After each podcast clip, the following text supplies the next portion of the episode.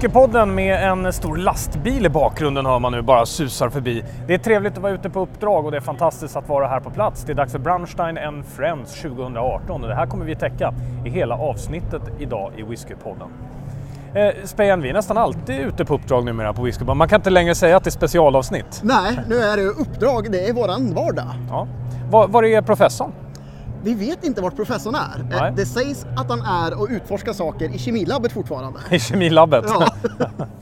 Som ni ser är det fantastiskt väder. Vi är i mitten av oktober och eh, det är nästan 20 grader utomhus och här står vi i Kögebukten där Brunstein ligger. ja, otroligt vackert här vill vi säga. Eh, De har ju varit, eller varit, eller tagit, vi vet inte. Men den här platsen är ju suverän alltså. Ja. Det här bjuder ju in till bra whiskytillverkning tycker jag. Är det verkligen. I år har man dubblat kapaciteten här och det beror på det trycket som finns. Och visst är det väl så här, Spejan, om man ska tänka till, att eh, renommén för Braunstein, den är mycket, mycket större internationellt än vad man kanske förstår i Sverige. Ja, men det måste jag hålla med om. Alltså, de vinner ju priser titt som tätt. I Stockholm också ska vi säga. Ja. Eh, men ja, alltså intresset är ju mycket större. De har inte riktigt tvingat sig in på den svenska marknaden för de har inte behövt det. Nej. Även om jag vet att de har en hel del fatägare, men då är det ju främst i, i Skåne naturligtvis. Ja, de har ju pressat det mycket på mässorna. Det är ju det de har gjort det. Framförallt som jag upplevt att fatförsäljningen har liksom tagit sig in lite så bakvägen. Som många andra svenska destillerier har gjort. Två priser tog de hem på Stockholm Beer and Whisky, bland annat ett guld för deras E10, Worldwide Whisky över eh, åtta år. Var den värd det? Absolut. Cask strength, Ja. det gillar vi. Ja, det gillar vi. Den här, 10 år är den. Den heter E10, det är inte därför. Det är bara tionde utgåvan i edition-serien. Men den råkar vara 10 år också. Jag tycker den är suverän alltså. ja. Orökig men kalas. För att vissa gillar Brunsteins rökiga men ja. Om en liten stund så ska vi ju träffa en av herrarna. Vi ska träffa den store Mikael Braunstein och fråga honom lite om vad framtidsplanerna här är. De talar bland annat om att de ska bygga om lite om jag förstår det rätt. Så. Ja, något väldigt spännande nämnde han när han sprang förbi här och Ja. eh, det vill vi gärna höra mer om. Det vill vi höra mer om. Eh, vi kommer också ta er på en liten, en liten rundtur. Lite olika drycker ska prövas. Så jag tänkte ju att vi alldeles nu snart måste naturligtvis starta med en Braunstein. Men du har kollat igenom listan Spejan och det finns en hel del annorlunda saker jämfört med vad det skulle finnas på en svensk mässa. Jo men det gör det. Det här påminner om första gången jag var på Cinderella Viking Line-mässan. Ja. 2009 var väl det jag var där första gången tror jag. Och då var det som en helt nytt skafferi av whisky. Alltså, Mm. det, där är det ju travel retail och mer. Här är det ännu mer och ännu bättre skulle jag säga. Mm. Det är en sån otrolig bredd och ålder på mycket whisky. Vi har gamla japanare, massa gamla skottar, destilleriutgåvor och en hel del vad det ser ut att vara roliga independent bottlings också. Så Ja. att, ja, Så du ser fram emot dagen kan vi säga då? ja, det gör jag. Jag har kryssat ivrigt här i listan. Bra.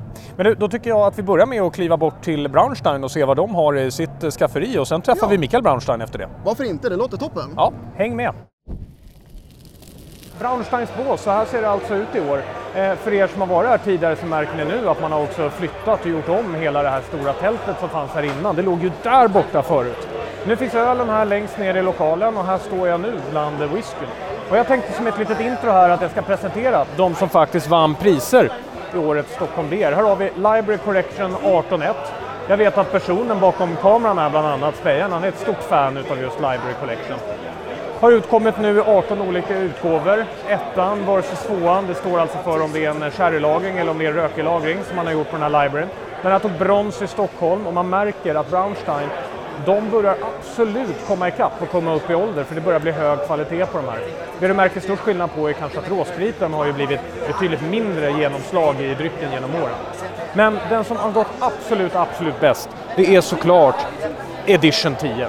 Den här Edition 10, den plockade hem guldmedaljen i World Wide Whisky i Stockholm. Ska vi komma ihåg att det är väldigt imponerande av en dansk whisky att kunna klara av det i en klass där allting ska vara över åtta år. Så den här tog alltså hem eh, guldet i år.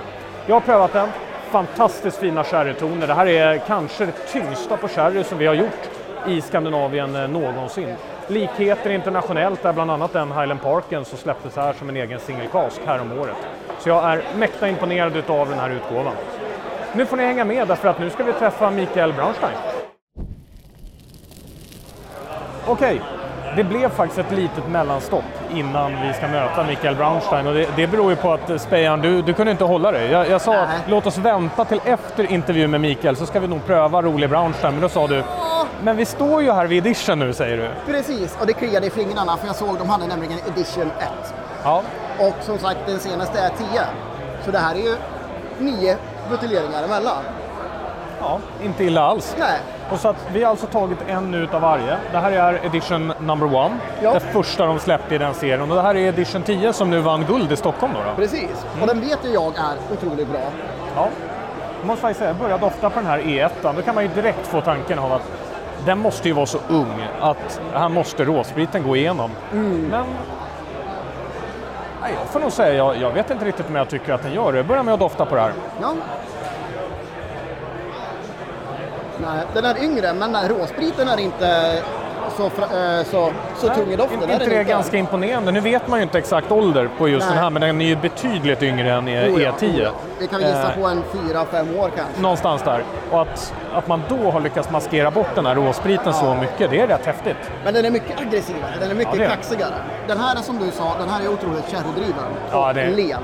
Det här är något som alla älskar. Nej, men jag, jag, jag tror inte vi har släppt något sånt här i Skandinavien. Jag nämnde ju det att Highland Park gjorde en specialutgåva här för Brownstein för två år sedan. Ja, speciellt för Brownstein and Friends. Det var det tyngsta i sherryväg jag någonsin har prövat. Alltså med den massan. Ja. Jag hade kunnat gå på det tillbaka till Stockholm. Alltså så, det var som sirap vet du. Det är imponerande. Just det, det ska jag säga, den här mässan heter ju Brownstein and Friends. Det är ju vid destilleriet och de bjuder in sina whiskyvänner. Ja, Och man ser ju hur bra vänner de är när man ser utbudet och ja, det är trevligt. de bjuder in sina vänner och sen oss. Ja, det är som de tre vännerna och Jerry. Det är vi som är Jerry då. Nu får vi inte tappa tråden här för publiken här, utan nu, nu får vi ta den här whiskyn här och se hur den är.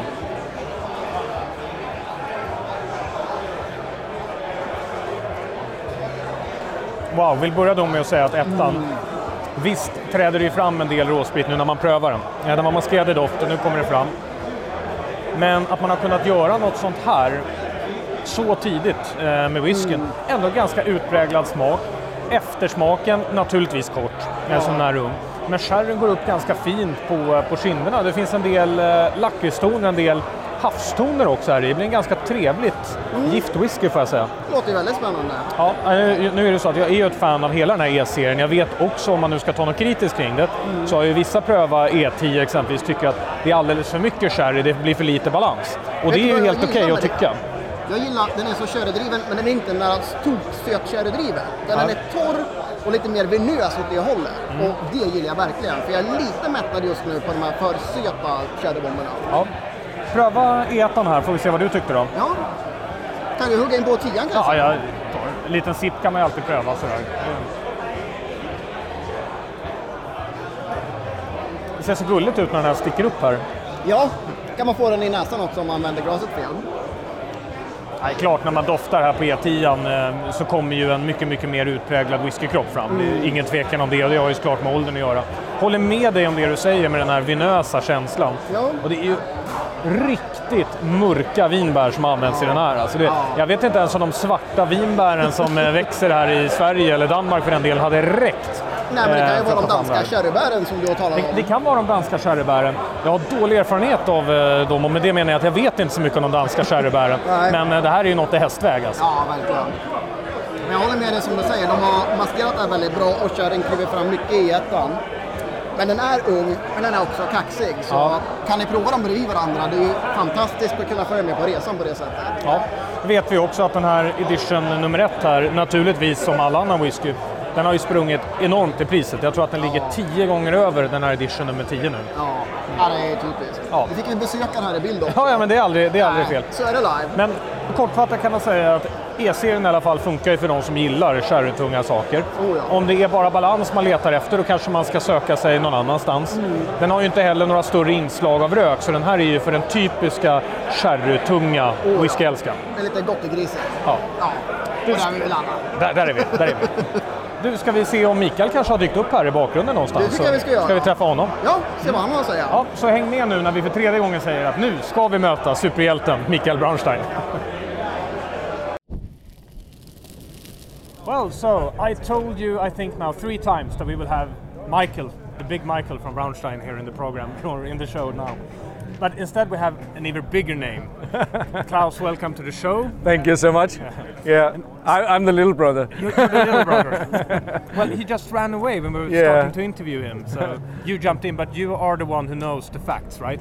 I'm the one making the whiskies. You're the one making the whiskey. Uh, good, so we're Yeah. speaking to the right person. Yeah. Well, it's lovely to be here again, and it's So happy you could come. Thank you, Yeah. and it's happy to be here when you know we have such a good weather. You know, you remember two years ago when I was here, Yeah. it was draining all day. I think It was. a bit different yeah. today. It is, and you can actually. It doesn't feel like there's as many people, but we are even more this year. Yeah. But um, people wants to go out and uh, enjoy their whiskey in the, on the harbor side, so Yeah. it's great. So, what did you start? with? You started with beer. Was Yeah. that the the idea from the beginning? Were, were you thinking about doing whiskies from the beginning, or Actually, the, the, the idea from the start was that we wanted to make like the American model uh, of a craft uh, brewery and craft distillery. So we actually wanted to make whiskey from the start. yeah, Um, but we it took us about two years to get the permissions to start out big big scale um, distillation. So we started out with the beers, and from there, uh, two years after, we, the distilling come, came along. yeah? Yeah. So, in which year did you start to distill? We started out in, in we started out the distilling in big scale in 2007. Yeah, Um, the company started out in 2005. Yeah. Uh, but Michael and I have been working on it since we were this high. yeah. So so, so basically, you actually have whiskey that's up to 11 years, Exactly. turning 12 soon. yeah. Uh, The- we are we are this year we're releasing E10, which Yeah. actually just won uh, gold in Stockholm. We are very proud of that one. You just took one of my questions. I was going to have it. Klaus, Yeah. calm down. yeah. So um, that's actually well, the first 10 years Yeah. uh, whiskey that we are releasing, a Oloroso non-peated whiskey, which is quite a funny whiskey for us to make because the first whiskey we released in that series, E1, was a non-peated whiskey on Oloroso sherry. Yeah.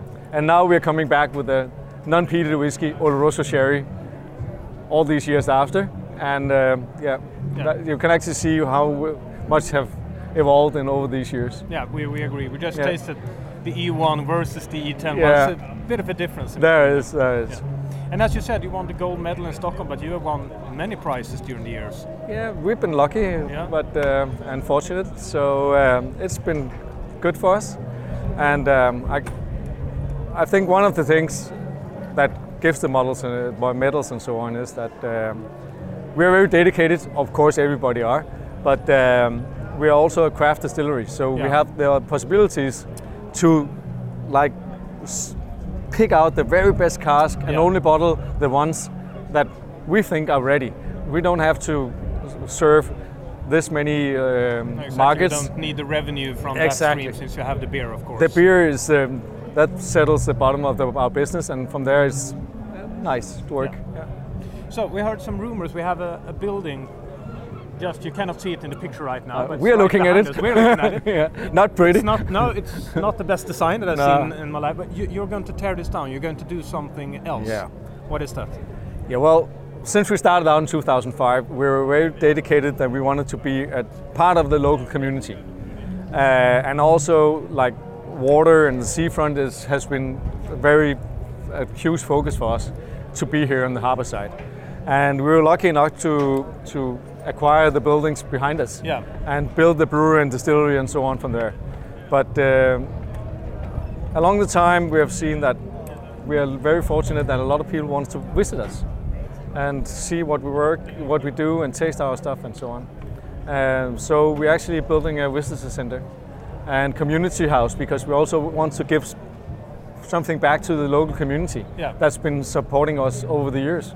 So it's a combination between a, a visitor center, um, a tap room, and a community house. Yeah, cool. So yeah, And when are the plans? So when we come here next year for the festival, will it Uh, be done or? we we hope that we can surprise everybody that uh, we have a. I think we still have a tent Yep. um, because we are housing about a thousand people today. Yeah. Um, and that's not possible in that building, but um, it will be a part of the festival next year. A part of the festival. Yeah. So we'll see exactly what that is. Yeah. I have one final question for you. This is a tricky question because Mm. this is personal. And that is, if you're not drinking Braunstein, which whiskey would you choose and why? That's a very good question. I know. Yeah. As you probably know, my favorite, my, Michael and I are brothers. As, yeah. And um, the thing we did from the beginning was that we wanted to make the whiskies that we love. I love, I'm very dedicated to per, per peated whiskey. Yeah. Uh, Michael is more to the non-peated. Um, but I think, from my point of view, the most important thing with a peaty whiskey is that it is, has so much more to offer than just peatiness. Yeah. So for my, it has to be a complex whiskey, Okay. and um, there are many examples out there. Um, Just one. Give me just one. Nah, I, I, I, I hate to do that, but uh, I would. It would, depends on the situation. All right. I love I love Kalila, I love Bunnahabhain, and I love Highland Park. Yeah. Um, those are some of the whiskies that I really enjoy because the the thing about them is that they they they offer the peaty bottom and, and some of that stuff, but they also have so much more to offer. Yeah. So um, there are so many out there. Something from the islands. Yeah. Yeah. yeah. I Highland Park 25 is great whiskey. Oh, oh. expensive as well. Eh, ex- eh, especially the old bottling. That's yeah. well, I also But there are many of them out there. 25. Yeah, there are many of them. Yeah. Well, Klaus, thank you very much for inviting us. Likewise. Yeah, it's great to be Thank you here for coming. and see you around. Yeah. Yes, thank See you. you. Ja, Carl, hur gick det att intervjua Mikael? Ehm, intervjun med Mikael blev lite annorlunda eftersom jag istället fick tag på hans bror Klaus. Ja! Hur landet ligger och det är lite kul att sitta här och berätta och lova att vi ska ha med Mikael. Nu har jag nästan snart undrat, ska vi bara ha med en bild av honom istället så att folk vet vem det vi talar om? Du vet i skolkatalogen man hade nere i hörnet inklippt. Ja, En sån får det bli kanske. något sånt. Ja. Men Klaus, det var... Han sa en del intressanta saker. Nej, men, men Klaus är ju, ämne, precis som han säger, det är han som gör whiskyn. Eh, de ska väl nu alldeles strax här ut på en warehouse tour som jag förstår det. Eh, då kommer de ta med sig en massa människor härifrån. Det är kul att vara på en warehouse-testning med honom, det kan jag lova. Han har en djup passion för whisky. Och de har en del roliga grejer i det där warehouset, det, det kan jag lova. Hur är lagerhuset i sig? Är det vackert? Är det sten? Är det tegel? Vad snackar vi för sorts byggnad? Precis allt det du sa nu är så det ser ut, ja. Ja, okej. det är den exakta beskrivningen av det. Ja, men vad härligt. Nej, men det, det är ett jättegammalt fint warehouse som ligger, tar 20 minuter att åka härifrån med buss. Ja, Okej. Rakt ute egentligen, ett ganska lågtakat eh, warehouse. De kan inte stapla mycket mer än 5-6 stycken i just det. Men det här är ju show-warehouset får vi nu säga. naturligtvis. Det är det här man visar upp. Det finns väl andra warehouses någon annanstans som inte vi har sett, fått möjligheten att se. Eller kanske inte anta. vill se. Det, bru- designen brukar inte vara så här. Det är ofta så i Skottland också. Man har ju vissa varuhus man släpper in folk i som är de här gamla traditionella. Det blir lite stämning och mysigt. Och sen har man de gigantiska där man knappt ser upp i taket för det är så otroligt mycket fat där inne. Men, men nu är det så här, du fick ju ett uppdrag Spejern och det var ju att eh, det finns väldigt mycket whisky här som inte finns på de svenska mässorna. Eller som i alla fall är väldigt svårt att få tag i. Ja. Nu har du tagit med dig två stycken till oss här som är specialare. Vad är det här nu då? Ja, eh, de här är ju lite mer lättöverkomliga men även två intressanta whiskys. Jag har här Hakushu 18 Kurs 18, ja. i mitt glas. Eh, och, och det är ju spännande att säga en eh, japsare, de tar slut snart, säger man. Ja. Vi har sett dem och dragit in en del releaser dessutom. Så är det. Eh, så det är ett litet guldkorn hoppas vi på. Eh, och sen har jag tagit med en annan här till dig. Den kan du berätta lite om. Ja, en Amrut Intermediate Cherry om jag har förstått det hela helt, Ja. helt rätt.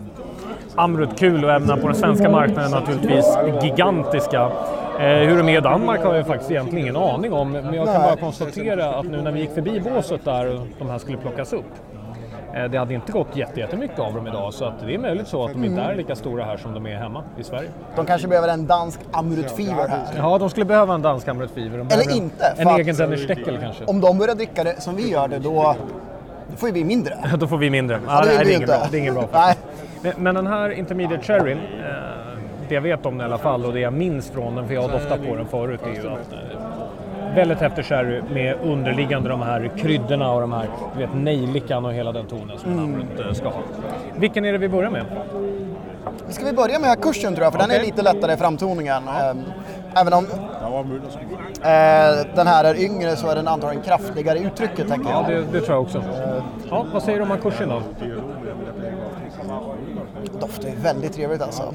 Det är, den, den, den är frisk. Ett eh, en, enkelt betyg, där har ni till alla er där hemma som undrar, måste man ta fram såna här massa töntiga och nördiga uttryck? Nej, man kan också bara säga väldigt fin doft. Väldigt, väldigt, väldigt Nej, den, den, den doftar fräscht va, det är liksom eh, färskgjorda gröna äpplen och Ja, det är ju det här fruktiga destillatet som de gillar väldigt mycket också i Japan. ja. Ja, de har ju det. Alltså det, det är om man säger en landstil i Japan så är det den lite kliniska fruktiga tonen. Ja, verkligen. Så ja. Och Hakusha brukar kunna leverera på det.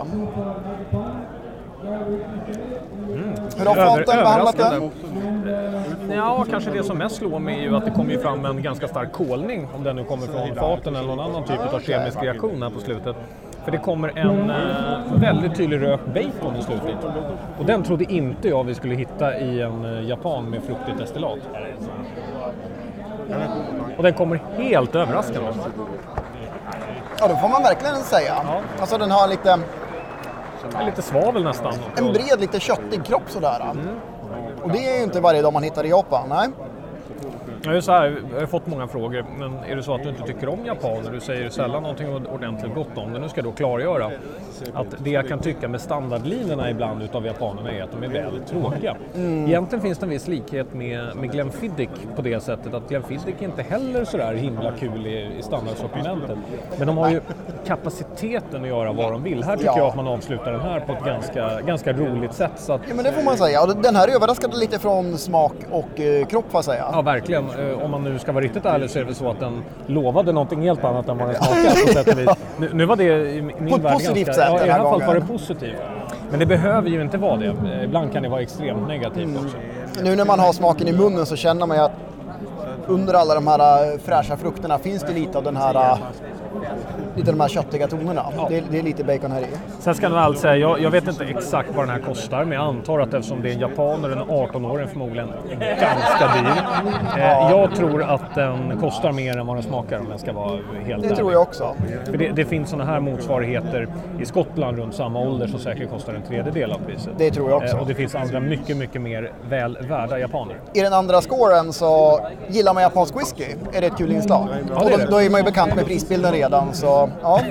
ja, det bör man vara. Ja. Vi, får, ju- vi får ju hoppas det för deras eget bästa. ja. Ska vi, ska vi kliva över till Indien då? Ja, vi åker lite västerut. Ja, väldigt kul, lite Amrut. Ehm, som vi talade om innan. Har ju haft supersuccéer senaste åren. Där har det väl varit likadant, att man har talat om om eh, den tillgången ska strypas. Vi sitter här med två stycken whiskys vars tillgång kan vara hotad i Skandinavien möjligtvis. Ja. Om det nu stämmer. Ja, man vet ju inte, men eh, såklart efterfrågan ökar ju dramatiskt i Asien på single malt fortfarande. Va? Det är fortfarande en boom där på det, så ja, vi får se. Vi hoppas på det bästa, att vi får de finaste dropparna fortfarande. Exakt. Intermediate då, är ju tydligt, tydligt sherrytungt. Har även en del ganska roliga inslag av, eh, av cola.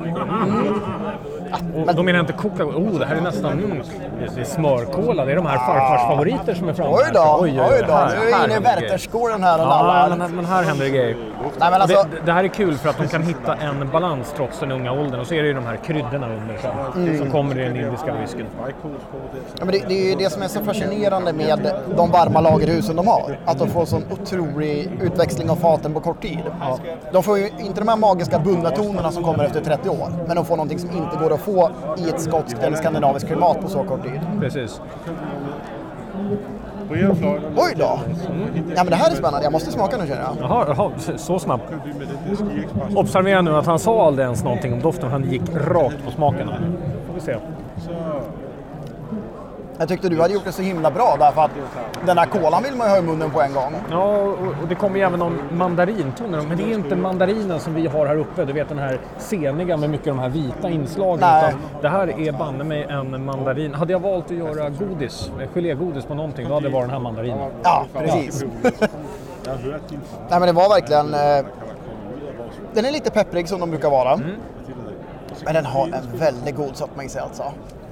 Fantastiskt, och just eftersom den balanseras upp av nästan lite spritsighet på slutet, eh, men också alla de här kryddorna så gör ju det att Amrut får på sitt egna sätt en balans. Trots att den aldrig kommer få någon riktigt tung eftersmak, för att det är de ju helt enkelt för unga för. Ja, det är ju där det faller lite grann om man ska säga någonting i nackdelen med de varma lagerhusen. Man får ju inte den eh, komplexiteten som kan komma med lång lagring och kraftig finish.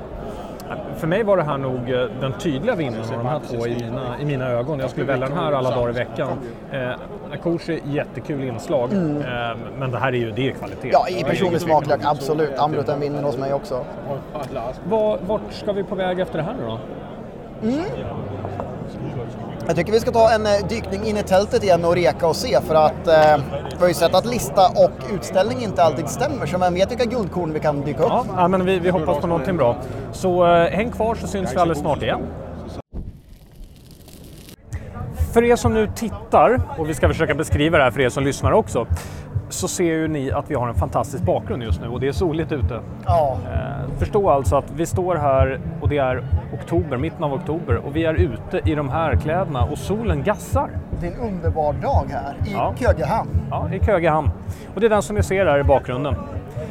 Vi har, eh, sen vi hörde sist här i podden, så har vi prövat eh, några rätt roliga saker. Vi började med att vi prövade en eh, Inchmurrin Madeira-kask. Ja, Mer, vad var det jag sa? Mer vinös än en vetebomb i Frankrike på 50-talet. någonstans där. Och Eh. som jag vet i Frankrike har de mycket pomerans och bitterhet också. Som du sa, Ja. framförallt mycket bitterhet. Ja, bittert. Ja, tar vi bort den sen, den här kommentaren jag sa nu. Men sen prövade vi ju En Glen Grant, ja, en Glen Grant 39. Eh, 39 häftig, år gammal, eh, från 1969. Ja. Den var otroligt häftig. Alltså, Den har ju en klassisk eh, whiskerston, eh, Glen Grant. Ja, den eh, som vi sa, pappas whisky. Ja, Eh, det är någonting som man verkligen eh, stiltypisk på något sätt. Och trots sin ålder så håller den kvar whiskykroppen också där. Mm. Så väldigt bra fart måste de ha haft när de fick hålla den så länge. Mm. Och mycket fina estrar och den här smörigheten. Och som du brukar säga, biblioteksdammet. ja, ja men riktigt fint biblioteksdamm i den. Eh, Även om eh, produkten som sådan, eh, du sa när vi stod och prövade den att du tyckte ändå att den känns ganska smal. Och, och det är väl lite det som är lite positivt och negativt med Glen Grant. Den är ju fortfarande en Glen Grant trots att den är i den här åldern. Ja. Men den har fått alla trevliga toner från en gammal whisky. Den har fått det. Så, lite smal vad man kan förvänta sig i en så gammal whisky, men väldigt komplex ändå och njutbar som bara... Ja. ja. Ja, vad kan bli bättre än att stå här ute och då ha två ännu mera unika whisky som det vi redan har talat om? Vad är det jag har i mitt glas här som du har hämtat spejaren? Ja, nu dök jag in på lite oberoende buteljeringar här och jag såg Baumor från 1968. 1968, hörde Ja. ni det? 1968. Ja. 40 år på fat. Mm. Så den eh, ser jag verkligen fram emot. Så den är alltså släppt samma år, eller eh, den är lagd på fat samma år som Rolling Stones gjorde Jumpin' Jack Flash. Ja, för de som håller koll på det. För de som håller koll på det jag då, bland Ja. annat. Och vad är det du har för något? Jag har också en whisky från 1968, 40 år på fat, men en Glenlivet. Ja, det är helt otroligt. Ja, det är Men, vilken ska vi börja med här? Vi måste nästan börja med Glenlivet då, antar jag? Ja, det känns som att den är väl rätt insteg på de här två tror jag. ja. Jag börjar dofta du då. Jag gör det.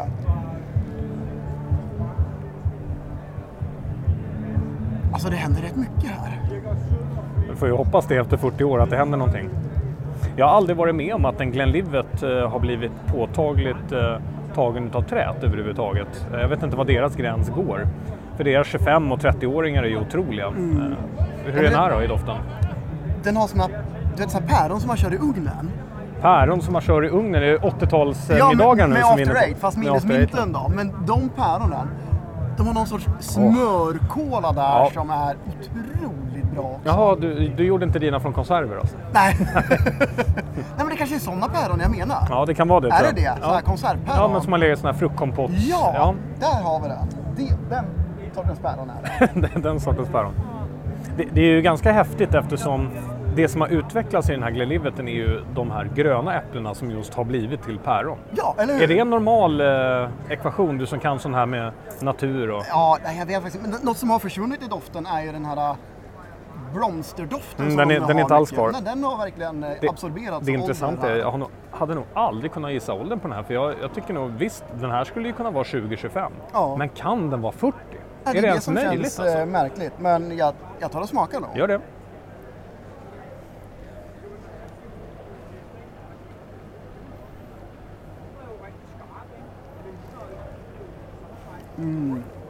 Och nu bygger den ut. Ska vi se då. Nu är det tropiker här också. Eh, inte annars, men jag kanske... Mm, det är inte liksom den, den syrliga ananasen utan det är mer... Oj, oj, oj. Oj. Och det kommer persika. mango persika i, alltså i smör, i, i smörpaj nästan. Ja, Ja, verkligen. Oj, oj, oj. Oj, oj, oj, det är påsockrat. Ja. ja, det är gott alltså. Du vet, det här är, det. här är ju sådana grejer som man bara fick hos eh, gamla släktingar. Det kunde smaka så här. Ja, eller hur? Mm. Nej, det här är någonting som jag tror här i Winchester, destillerichefen på Glenlivet skulle vara stolt att hälla upp och bjuda. håller jag verkligen med om. Men fortfarande, man hade ju kunnat laga den här ännu längre om man vill. Det- För fatet har ju inte alls tagit över den här Ingenting. någonstans. Ingenting. Imponerande på något sätt. Man undrar ju liksom, har fatet använts tio gånger innan?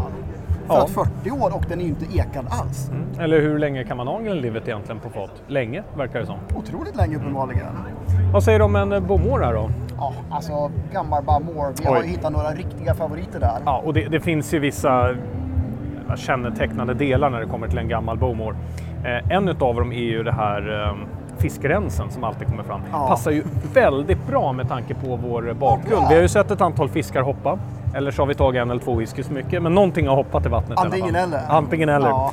Eh, den här gamla fiskrenstonen blandad med ganska härlig hallonbutik. Ja, och ni som tror att fiskrens är äckligt, det här är ju liksom, det påminner om när man tar hand om fisk, men på ett väldigt behagligt sätt. Frågan är om det blir bättre när jag säger söt fiskrens. Det låter inte så trevligt sådär. Nej, men, men det är en bra referens för att eh, Det är det. den är ganska unik. Och så har den just den här hallonspritsigheten, nästan som hallonlakritsgodis finns här i. Vet du. Mm. Det är ju något som jag alltid har älskat. Ja, det där blir riktigt spännande. Lever den upp till sina 40 år? Så här ska jag säga, den lever upp till att det här är hallonlakritsgodis när du dricker den. Men jag tycker att den var tunnare i smaken än i doften. Ja, okej. Nu vill jag veta vad du ja. tycker om det. Oh, nej, men det är som du säger, den har väldigt kraftiga gamla Bamor-stuket. Ja, Men lite mer fan, gummi lite i en. röken än vad jag är van vid på en äh, gammal Bamor. Men den doftar ljuvligt. Mm. Doftar riktigt ljuvligt.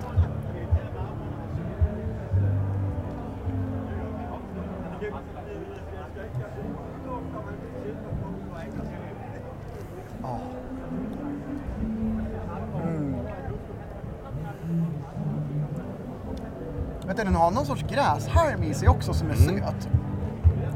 Den var lite oväntad som, eh, och entoner på slutet. Mm. Ganska kraftiga entoner. ja men faktiskt nu när den har lagt sig lite. Lite tobak.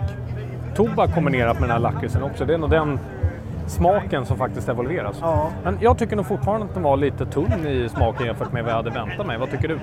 Ja, alltså förhoppningar och förväntningar så föredrar jag Glenlivet den här. Ja, det håller jag med Eh, om. Den vinner den här duellen.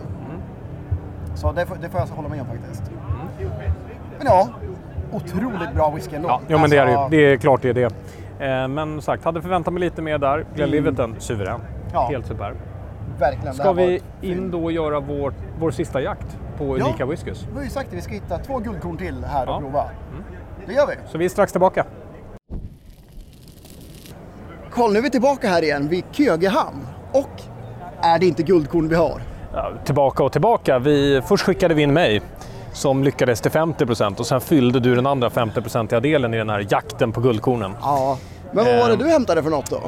Nej, jag, jag har hämtat en eh, Glenfiddich, men, men först vill jag säga precis bakom oss här står en, eh, en bil och där är en person som skulle behöva förbättra lite hur han arbetar. Det är Martin Markvardsen. Ja, Man kommer hit och så har han det vet, extra däcket på baksidan av en Land Rover. Där har ju han Highland Park-reklamen. Ja, han har en Jeep-modell. Den satt ju upp och ner. Ja. Så kan man ju inte jobba Nej, när man är Global Brand Ambassador. Senior Brand Ambassador, World Globe Brand Ambassador, Ja, inte, Lord...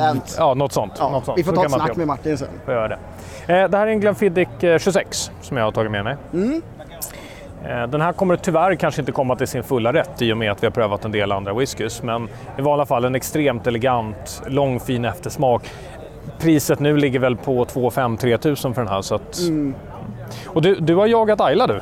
Jag jagade Ayla.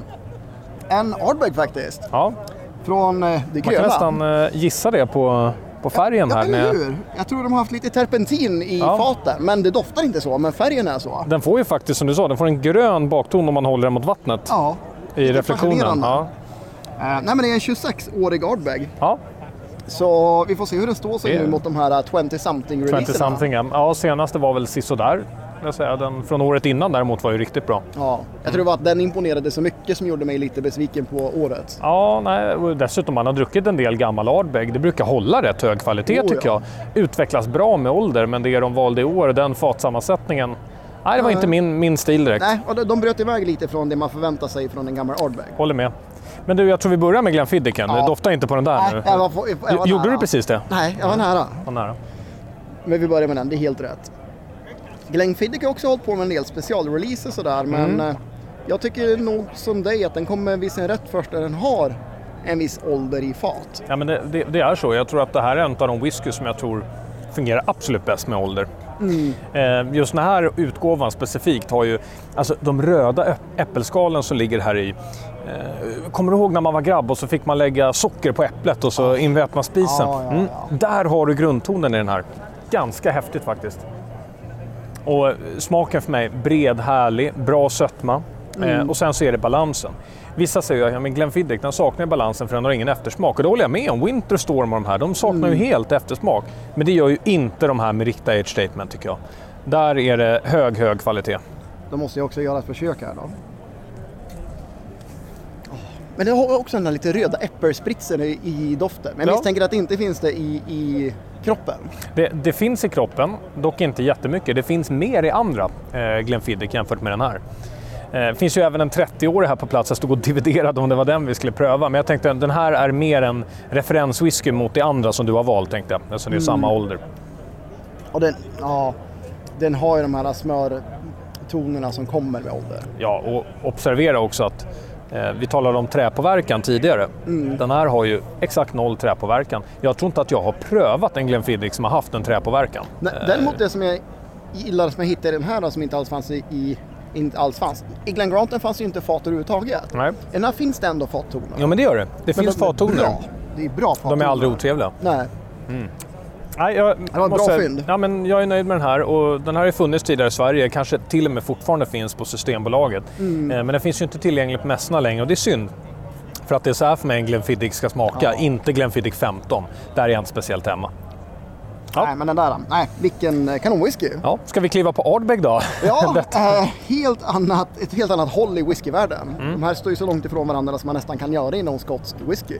Du pratade tidigare om att eh, de har dubblat eh, kapaciteten nu på Ardbeg för att Mm. kunna göra betydligt ännu mer. Men de håller på i alla fall. Ja. Mickey Head sa att de hoppas vara klar nu till nästa Isla Week, att det ska stå färdigt då. Men Eh, Många kanske blir förvånade när man berättar kapaciteterna som ändå har funnits på, på Ayla. För tittar man på ett destilleri som eh, Ardbeg är det, är det ganska litet. Det är naturligtvis inte litet i boxstorlek, men de är inte mer än 3-4 gånger större. Medan som man kollar på Colila eller Glenfiddich eller någonting, de är ju 100 gånger större än vad, än vad de svenska är. Oh, ja. Men Ardbeg, i, eller Sverige är så otroligt viktigt för Ardbeg också. Ja. Det är vi som har burit lite deras revival kan jag nästan påstå. Mm. Så ja, vi är så högt i kurs där. Ja. Och det är vi glada för. ja, hur doftar det då? Det här är ju gammal Ardbeg. Det är Mm. smutsigt, det är rått, det är som det ska vara. Alltså du har deras riktigt så här kaxiga, nästan aggressiva röktoner. Otroligt mycket havs och liksom de bitarna också. Som är mer av Bumwars specialitet brukar de säga. Mm. Men Jag gillar lite när det finns sältainslag i Ardbeg. Jag håller med om att det är mer gamla skolan av Ardbeg. Idag tycker jag tyvärr i vissa av de här specialreleaserna att det finns ingen sälta alls. Och det tycker jag ändå en Ardbeg ska ha. ja, men verkligen. För att hamna på topp där av Ja. Ardbeg-klassen så håller jag med där. Ja, men jag smakar. Och det har lite Ja, den här liksom ja, du får smaka. Det eh, smörsyrasyrligheten också i sig i, i doften.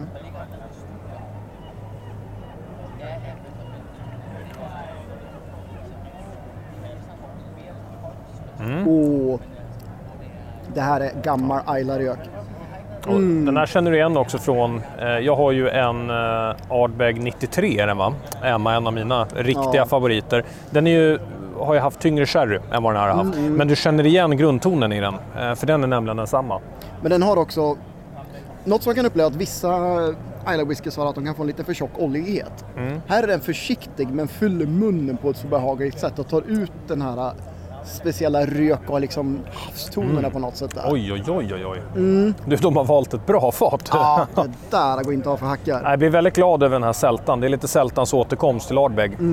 Det kan det faktiskt behöva. Tänk om det här var årets 20-something. Ja, du, det hade varit något. Nej, men den här är ju bättre än bägge 20-something som har släppts. Ja, faktiskt. Eh, även där tycker jag att, eh, där kan du direkt säga att där saknas ju hela den här havs och sältatonen, för den finns inte i någon utav Ardbeg 20-something. Nej, det är mer som Eh. att de vill framhäva att Ugidal är deras framtid och det här Ja. är 20-something. Så smakade det för 20 någonting år sedan. Typ något sånt. Nej, jag, jag, jag tycker det är jättebra. Ett extremt bra exempel utav en, eh, en gammal Ardbeg. Ja.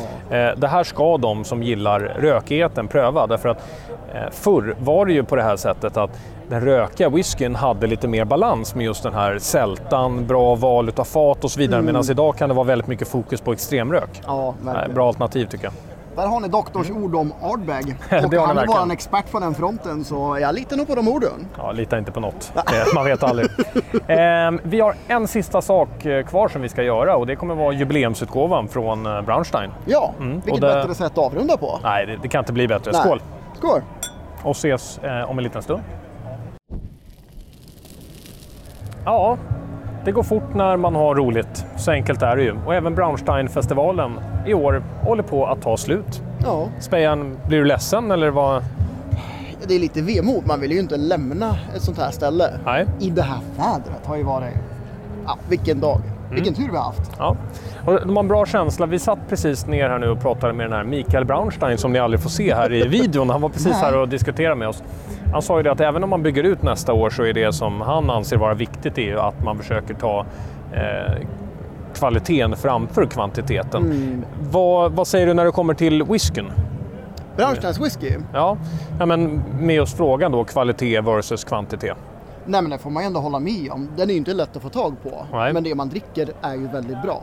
Menar idag vi har E10, välförtjänt guldmedalj. Vi har 18.1, 18.2 senaste library. Det rökiga där, 18.2. Suverän alltså. Mm. Nej, de, de håller på kvaliteten. Och vad, vad tror vi om framtiden då? Jag menar, nu har de börjat få vätska som är 10-11 år gammalt. Mm. Eh, det, nästan allting ligger ju på stora fat, eh, Mm. till skillnad från många andra aktörer i Norden. Vad innebär det? Alltså de har ju varit lite bortskämda på ett sätt för de har ju från början haft en grund i sitt ölbryggeri. Mm. Så de har ju haft pengar in och haft den lyxen att istället för att liksom tvingas sälja fat för att liksom understödja destilleriet så är de från början kunnat sagt att vi köper in stora fat. Vi vill ha minst 200 liter. Vi vill ha sherry butts. Och det har man gjort från dag ett. Och det gör att de har en otrolig bredd redan idag när de har 10-årig vätska i lagerhusen. Alltså med kvantitet. Så det betyder ju jättemycket såklart för att kunna släppa en bra range och i lite större kvantiteter framåt. Ja. Och vad, men med det då sagt, det säger mycket, men vad innebär det då i praktiken? Kommer Braunstein vara det ledande i Norden eller har man inte tillräcklig kapacitet? Eller vem kommer vara ledande tror du? Det där är jättespännande. I Sverige kommer alltid ett svenskt destilleri vara ledande. Eh, Boxy, kvalitet, kvantitet i den liksom hur de möts, så är de nummer ett. Sen har vi Smögen som är fantastiskt men aldrig kommer växa. För de vill inte. Nej. De vill hålla det småskaligt.